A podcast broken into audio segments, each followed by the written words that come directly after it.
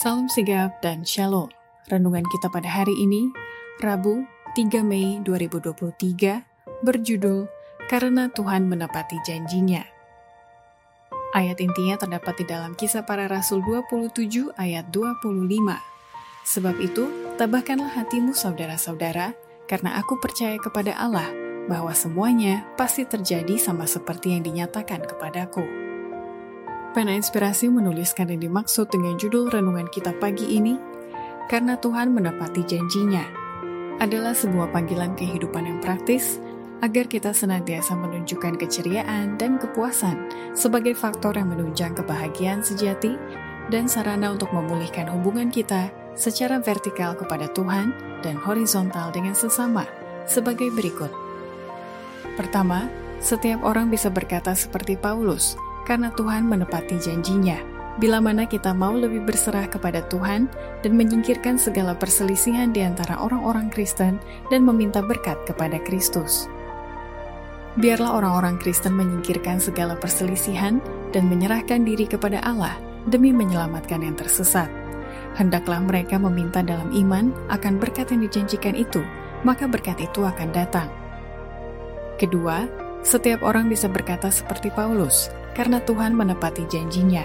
Bila mana kita mau memanfaatkan setiap kesempatan dengan menghafalkan janji-janji Tuhan yang berharga itu. Kantongilah Alkitab kecil bersamamu sementara engkau bekerja, dan manfaatkanlah setiap kesempatan untuk menghafalkan janji-janjinya yang berharga itu. Ketiga, setiap orang bisa berkata seperti Paulus, karena Tuhan menepati janjinya bila mana kita rajin berdoa, sebab mata dan telinga Tuhan selalu memandang dan mendengarkan doa-doa orang benar. Tuhan telah menjanjikan melalui firman-Nya yang tidak pernah gagal, bahwa matanya akan selalu memandang orang-orang benar dan telinganya terbuka bagi doa mereka. Keempat, setiap orang bisa berkata seperti Paulus, karena Tuhan menepati janjinya, bila mana kita rajin belajar Alkitab dan menghafalkan isinya.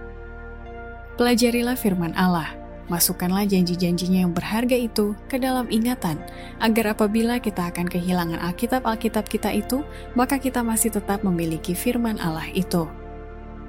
Kelima, setiap orang bisa berkata seperti Paulus, karena Tuhan menepati janjinya, bila mana kita mau melatih diri dengan sehati dan sepikiran, serta menyingkirkan segala kedengkian dan kebencian dengan sesama.